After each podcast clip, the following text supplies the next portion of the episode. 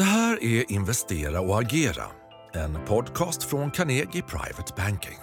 Hej! Du lyssnar på mig, Helena Haraldsson.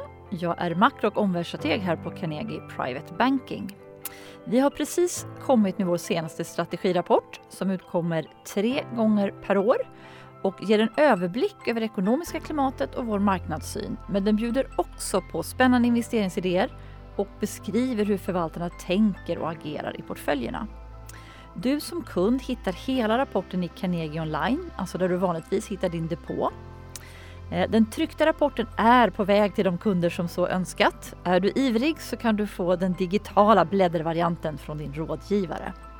Men i dagens poddavsnitt eh, så tänkte vi kort sammanfatta rapporten och vad du hittar i den. Eh, höstens rapport har vi döpt till en kritisk fas. Eh, centralbankerna bekämpar ju nu inflationen aggressivt och frågan är kan inflationen kuvas utan att ödelägga ekonomi och bolagsvinster? Och innan vi kan skönja svaret så befinner vi oss just i en kritisk fas.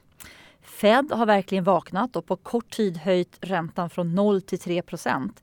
Men inflationen är fortfarande hög och arbetsmarknaden är fortfarande väl stark.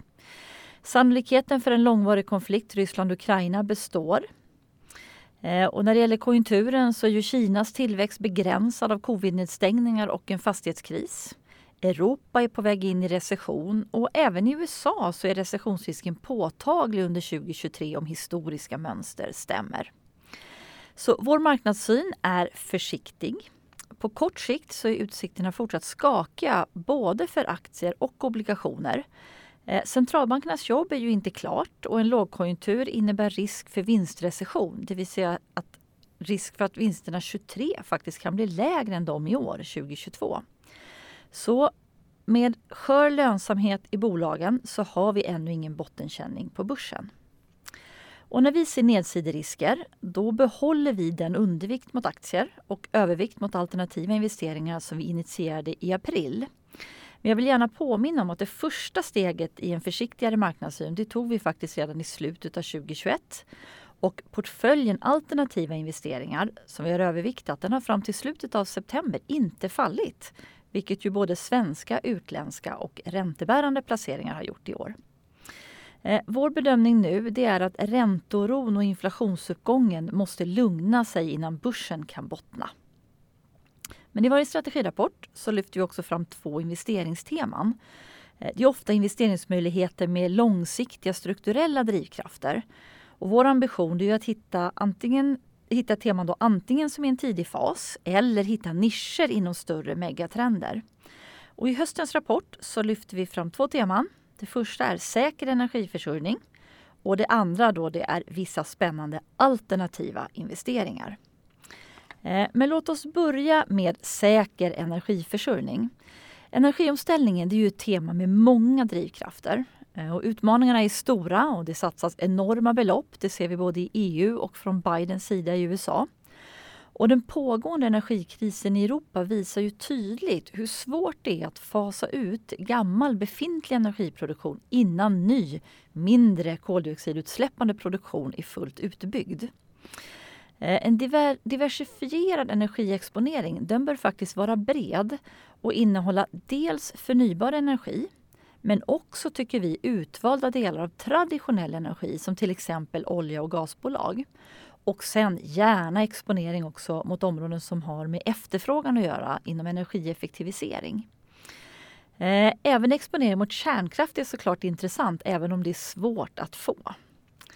Eh, energiexponeringen finns i alla våra utländska aktieportföljer eh, och andelen varierar någonstans mellan 20 till 50 procent. Och portföljen har också olika hållbarhetsregler så det bör finnas något för alla. Tala gärna med din rådgivare. Och när det gäller temat alternativa investeringar så handlar det lite om placeringar som går sin egen väg, lite frikopplad avkastning. Eh, alternativa investeringar generellt fokuserar på placeringar som i minsta möjliga mån korreleras och samvarierar med aktie och ränteutveckling. Eh, men i den här rapportens tema då lyfter vi särskilt fram några placeringar inom alternativa spektrumet som gynnas i dagens klimat. Alltså exponeringar som gynnas av volatilitet, lågkonjunktursrisk och stramare penningpolitik. Eh, volatilitetsstrategier och trendföljare är två sådana exempel som kan ge bra avkastning trots fallande börs och stigande räntor. Och hur du tar exponering mer exakt samt ännu fler affärsidéer och hur vi har agerat och nu justerar våra portföljer, det kan du ta del av i rapporten som du alltså hittar i Carnegie online.